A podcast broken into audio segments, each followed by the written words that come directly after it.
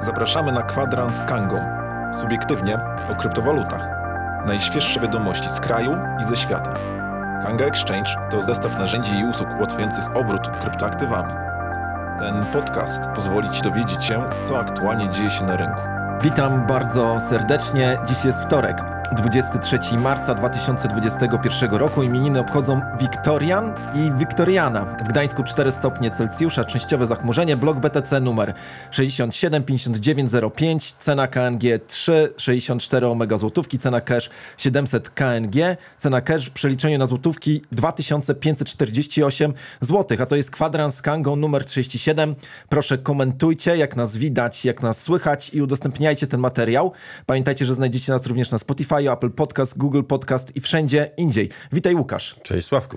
Łukasz, jaka waluta obowiązuje w rozliczeniach ptaków? No, nie wiem, dobra. Ruble. Powiedz, co się dzieje w świecie, e, w świecie Bitcoina i Ethera w tej chwili. No, e, jak zawsze, dużo, dużo się dzieje. Bitcoin e, nie, nie jest nudnym tematem. E, z jednej strony można powiedzieć, że nie jest zbyt e, optymistycznie. E, tak na rynku, takie nastroje są takie C, ale z drugiej strony, tak sobie myślę, skoro nie mówi się, żeby kupować, to znaczy, że trzeba kupować, bo jest dobra cena i mamy, mimo że mamy w granicach 54 tysięcy w tej chwili kurs, no to może to jest dobry moment. Był stimulus w Stanach, Tak. więc jakieś impulsy, myślę, się będą, e, będą pojawiały. No ten dolny punkt takiego oporu wróżbiarze mówią na to, e, ten, ten, ten opór to jest 49-50 tysięcy. Jeżeli go przekroczymy, no to faktycznie będzie słabo, bo to znaczy, że niedźwiedzie cisną do 42, 43 nawet tysięcy. Tyle się e, spodziewamy. Poniżej 35 nie powinno zejść. Tak, e, tak wyczytałem. Nikt nie prorokował aż tak niskich cen. Natomiast e, ci pozytywnie nastawieni, czy optymiści, e, mówią o tym, że e, będziemy mieli bardzo gwałtowny skok do 61-62 tysięcy dolarów, który może zapowiadać przebicie bariery 70 tysięcy. Więc to jest bardzo, e, bardzo ciekawe. Różne. e, No, a, a czy, czy nie można przyjąć takiego założenia, że być może cena się teraz jakoś tam ustabilizowała? No mamy konsolidację, Właśnie. jest, jest konsolidacja, zbieranie sił, no to tak zawsze jest. No i teraz e, mam e, pewność co do tego, co się stanie. Bo albo pójdzie do góry, albo na dół. Brawo. Brawo. Ewentualnie może zostać na tym samym poziomie.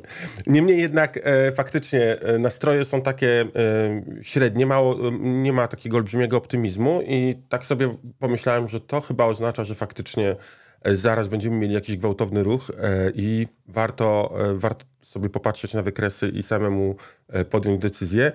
E, ETH, jeżeli ktoś e, zauważył, to ETH nie dało tak zarobić jak Bitcoin.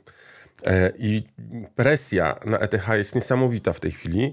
E, Mam wrażenie, że przez to, że zeszliśmy poniżej 1700 dolarów za ETH, to przekroczyliśmy jakąś granicę i jakbym patrzył tylko na ETH to i te wszystkie opinie, e, bo to, e, przypominam, to nie jest e, porada inwestycyjna. Po poradę inwestycyjną idziemy do Mateusza na przykład. Tak, do Mateusza, czy tam, no. E, no ale wracając do ETH, zeszliśmy poniżej 1700 i to był taki dobry, mocny sygnał na to, że będzie, będzie spadek, a tu jednak nie było jakiegoś gwałtownego spadku i nie spadliśmy w okolicy 1500 e, dolarów, więc e, to jest bardzo, e, bardzo dobry sygnał. W tej chwili jakby taki opór, najniższa cena, którą spotkałem jako e, prognozę, czy pokazanie tego, że poniżej to nie powinno zejść, to jest 1280, ale raczej większość e, analityków mówi przybijemy 2000. Przybijemy 2000, bo e, ciśnienie jest tak duże, że e, pójdzie ponad 2000 i oczekuje się, że Bitcoin zarobi, e, zarobi znacznie e, mniej da zarobić niż, niż Ethereum. No dobra, wiesz co, mnie interesuje a propos Ethereum y, jeszcze jedna rzecz. Tam chyba działają dwie siły. Jedna siła taka, y, która powinna dołować, to znaczy y, okazuje się, że po prostu blockchain, tak, jakby trochę nie zdaje egzaminu. Tam oczywiście y, są jakieś pomysły na to, żeby ograniczyć zarobki górników. No, to, bo może powiedzmy, że obniżenie zarobków górników e, to jest bardzo kontrowersyjny temat. No właśnie. I to ma e, wejść e, bodajże w e, drugiej poprawce, bo w pierwszej poprawce Berlin e, takich bardzo istotnych zmian związanych z op- opłatami nie ma. Tam na przykład będzie można trochę dokładniej wyliczyć, ile gazu będzie potrzeba. Także no jest kilka usprawnień dodanych, natomiast to jakby popularność Ethereum zjadła Ethereum.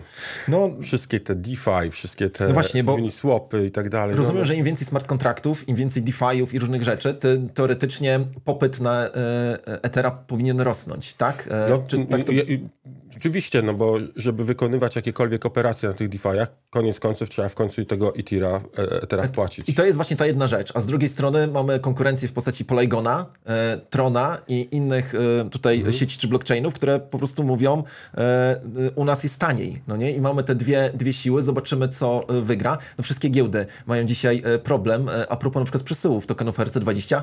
Gdybym cię zapytał, z czego to w ogóle wynika? No bo jest No wielki tak, problem i podejrzewa jest- się, że giełdy tutaj po prostu mają najlepsze zyski, a podobno tak nie jest. Nie, y, ja mogę powiedzieć, że y, w niektórych momentach giełda raczej dopłaca do przelewów, no bo wszyscy myślą sobie, ok, jeden przelew kosztuje powiedzmy 20 dolarów, dlaczego giełda bierze 60? Tak. No to jest e, bardzo e, pro- proste wytłumaczenie. E, Wystarczy, że przyjmijmy taki, taki scenariusz. 100 osób wpłaciło po 100 eterów. E, czy po jednym eterze. Tak. E, I ty, Sławku, teraz kupiłeś te 100 eterów. I masz 100 eterów na swoim koncie. Na giełdzie. Na giełdzie. I teraz wypłaca się na swój prywatny portfel. To co giełda musi zrobić? Giełda musi wykonać 100 wewnętrznych przelewów, żeby zebrać te jedynki z portfeli, zgromadzić to wszystko na jednym koncie i zrobić transakcję na 100 eterów e, na twój adres. Więc giełda musiała wykonać 100 przelewów, z których każdy kosztuje powiedzmy 10 dolarów, a potem zrobić jeden przelew twój, za który ty zapłaciłeś 60. Więc można powiedzieć, że e, no, giełda nie zarobiła zdecydowanie. No ale to... Oczywiście poś- pokazuje scenariusz maksymalnie negatywny, bo można też powiedzieć w drugą stronę. Jest jedna osoba, która ma e, 100 dolarów, e, 100 eterów i sprzedała s- 100 różnym osobom po jednym eterze, wtedy nie ma tego scenariusza. tak. Z tego, co czytałem, to w większości giełd ten współczynnik, e, ten faktor przelewowy waha się między 2 a 4. Czyli, że na każdą, wy, e, na każdą wypłatę przypada 2 do 4 przelewów wewnętrznych. Więc Stąd się biorą te ceny. Dobrze, Łukasz, a czy jesteś w stanie wyjaśnić, dlaczego Kraken e, bierze tak niską opłatę? Robiliśmy w czwartek pomiar e, e, tutaj kluczowych giełd światowych i polskich e, i Kraken wypadł tutaj... No, zdecydowanie najlepiej. Tak, i to Zdecydowanie tak, że. Jakby właściwie poza klasyfikacją e, e, 2,5 dolara e, za przesył w Za przeliczeniu, tak. No, e, można, możemy sobie pospekulować, co jest przyczyną tak niskiej ceny. E, w moim ocenie to jest e, zbliżająca się oferta e, publiczna e, Krakena. IPO. IPO. Oni się szykują do tego i dla nich jakby e, każdy dodatkowy użytkownik e, to są konkretne e, tysiące Tak. dolarów większej wyceny. Więc jeżeli oni będą mieli o milion użytkowników więcej, nawet jeśli zapłacą za to milion dolarów albo dwa miliony dolarów w tych wypłatach, to będą mieli, nie wiem, o, o 100 milionów wyższą wycenę. To jest dla nich y, bardzo korzystne. No, e, na temat e, kosztów przesyłu i transferu pewnie będziemy jeszcze wiele razy mówić. Natomiast chciałem Ci powiedzieć e, coś z zupełnie innej beczki. Wracamy do świata bankowego. Nie wiem, czy wiesz, że Szwecji już dwa banki odmawiają współpracy z osobami fizycznymi, jeżeli te zadeklarują, że środki będą pozyskiwały albo, znaczy, że będą przelewały środki na przykład na giełdy kryptowalutowe. Tak, no znowu banki myślą, że wiedzą lepiej ode mnie samego, jak ja mam zarządzać swoimi środkami. Tak, no i ta, takie jest uzasadnienie, zresztą, że one po prostu chcą zabezpieczyć osoby fizyczne, ale chciałbym wrócić do naszej wczorajszej wizyty w jednym z polskich banków. Na razie nie ujawniamy jeszcze nazwy, ale jest to kluczowy, jeden z większych, bardzo duży bank E, i e, chciałbym przytoczyć twoją i moją rozmowę z nimi. E, Jeszcze trzeciego Łukasza, podczas której zapytaliśmy się, dlaczego w banku nie możemy legalnie i bezpiecznie kupić kryptowaluty. Pamiętasz, jakie udzielili odpowiedzi? No, to jest słaby wizerunek. E, Boją się o utratę wizerunku e, i faktycznie no, jest to e, bardzo ciekawe. Ja mam takie poczucie, że banki niedługo podzielą się na dwie kategorie. Na te, które wygrają i te, które przegrają. E, I te, które przegrają, to będą te, które będą blokowały krypto, a wygrają te, które coś zrobią w tym kierunku. No, widzimy po najbardziej takich rzutkich instytucjach finansowych, że one jednak, e, mimo sceptycyzmu na początku dużego e, i takiej też mm, no niechęci do krypto, to PayPal już sprzedaje krypto, bo jednak to jest dobry biznes. E, Visa i Mastercard już się bardzo polubiły z krypto. Teraz trzeba po prostu te bardziej skostniałe instytucje przekonać, czy może one muszą się same przekonać. No, e, zgadza się. Ja jeszcze zwracam uwagę na to, że wczoraj padło jeszcze jedno uzasadnienie, bo to utrata reputacji to faktycznie najważniejszy element. Natomiast coś, co mnie zaskoczyło. Ludzie z banku powiedzieli, że za bitcoinem, za etherem nie stoi wartość. One nie reprezentują, jedyne co one sobą reprezentują, zresztą tak samo y, Jerome Powell myśli, czyli prezes Fedu w tej chwili, e, reprezentują tylko i wyłącznie możliwości spekulacyjne. Ale powiedzieli, że tokeny. Tak. Tak. tokeny, które, e, że w ogóle proces tokenizacji to jest coś, co prawdopodobnie zainteresuje banki w Polsce w najbliższym czasie. Dlaczego? Dlatego, że według nich za oczywiście dobrymi tokenami, za dobrą tokenomią Stoi stoi, wartość. wartość. I to jest ciekawe. Należy traktować jako ciekawostkę. To oznacza, że bank nie odcina się od blockchaina, od tokenizacji w ogóle rękami i nogami, e, że gdzieś tam próbują znaleźć tą ścieżkę, ale no, na, na Bitcoina przyjdzie nam jeszcze poczekać. Mm, e, A propos, bo wspomniałeś o Wizie. Nie wiem, czy wiesz, że główna koreańska giełda, czy jedna z głównych ko- kore- południowo-koreańskich giełd e, Jest na sprzedaż. jest na sprzedaż. Tak, I widziałem. uwaga, kto jest zainteresowany kupnem?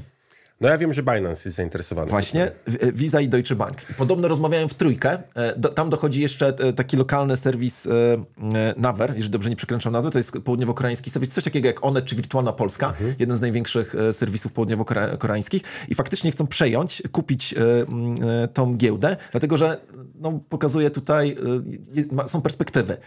Wszystko zaskakuje, bo i Visa, i Deutsche Bank, i No. Binance. O wszystkim moglibyśmy tutaj rozmawiać. no. Tak, no Deu- Deutsche Bank, który y, powinien już upaść 5 lat temu e, i jest bankrutem totalnym, natomiast jest na sztucznym podtrzymywaniu życia. E, Nie wiem, jak długo jeszcze e, Unia Europejska będzie utrzymywała ten bank. Visa, która myślę, że chyba mogłaby szybko sama stworzyć giełdę, bo jeżeli by powiedziała, że jest giełda wizy, to myślę, że grono użytkowników wzrosłoby bardzo szybko. Więc y, nie musi kupować dużej giełdy e, Visa. Visa może kupić sobie małą giełdę albo nawet e, bardzo małą giełdę i jeżeli powie, że, z wizą, że ta giełda jest wizą, no to w tym momencie nie będzie problemu No, ale z użytkownikami. to procesorzy, znaczy wydawcy kart, to nie jest właściwe określenie. E, I Visa i Mastercard przyjmują takie założenie, bo zwróć uwagę, Mastercard, jak zobaczył, jak działa polski system Blik, to nie próbował stworzyć konkurencji, kupili tylko Blika. Mhm. kupili, e, kupili Blika. Znaczy kupili jakiś istotny e, pakiet udziałów. I takie jest chyba działanie, że oni wolą dokupywać e, udziałów w organizacjach, które istnieją, ale jest to bardzo ciekawe. Jak myślisz, jaka wycena jest w tej chwili tam rozważana? Ojej, nie mam pojęcia. Ale, no dobra, no to No, powiem od 430 do 602 milionów dolarów. To jest wycena tej e, giełdy. Sz- Szeroki wachlarz, no nie? Ale, ale na- napawa to dużym optymizmem, tak e, naprawdę. Oczywiście my byśmy się spodziewali, że tam powinny być już miliardy, e, ale na to przyjdzie jeszcze ta czas. giełda jest głównie giełdą koreańską, więc to nie jest taka giełda masowo d- bardzo dobrze Tak. rozpoznawana na rynku światowym. Natomiast faktycznie rynek koreański jest dosyć aktywny. Dlatego na przykład ja też myślę, że giełda, która działa na rynku polskim i dodatkowo na rynkach zagranicznych też może mieć ciekawe e, wyceny, bo rynek polski jest jednak w regionie dosyć, e, No, dosyć aktywny, Tak. aktywny, jeżeli chodzi o kryptowalutowców. Zgadza się. No to e, powiedz mi jeszcze, co się dzieje, Łukasz, wśród instytucji, które inwestują w krypto. Tak, no ciekawe, ciekawą analizę czytałem ostatnio na temat tego, jak instytucje wydają pieniądze na krypto.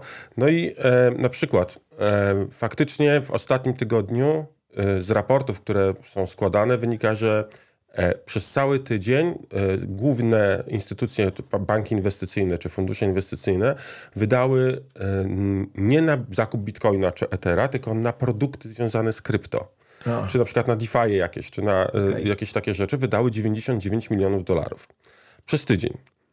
I jak ja to przeczytałem, to pomyślałem, hmm, no, no jak nie na Bitcoina i nie na Ethereum, tylko po prostu na jakieś produkty powiązane, no to chyba to jest dużo. Niestety tydzień wcześniej wydały 242 miliony. Czyli mamy spadek. To jest bardzo istotny spadek.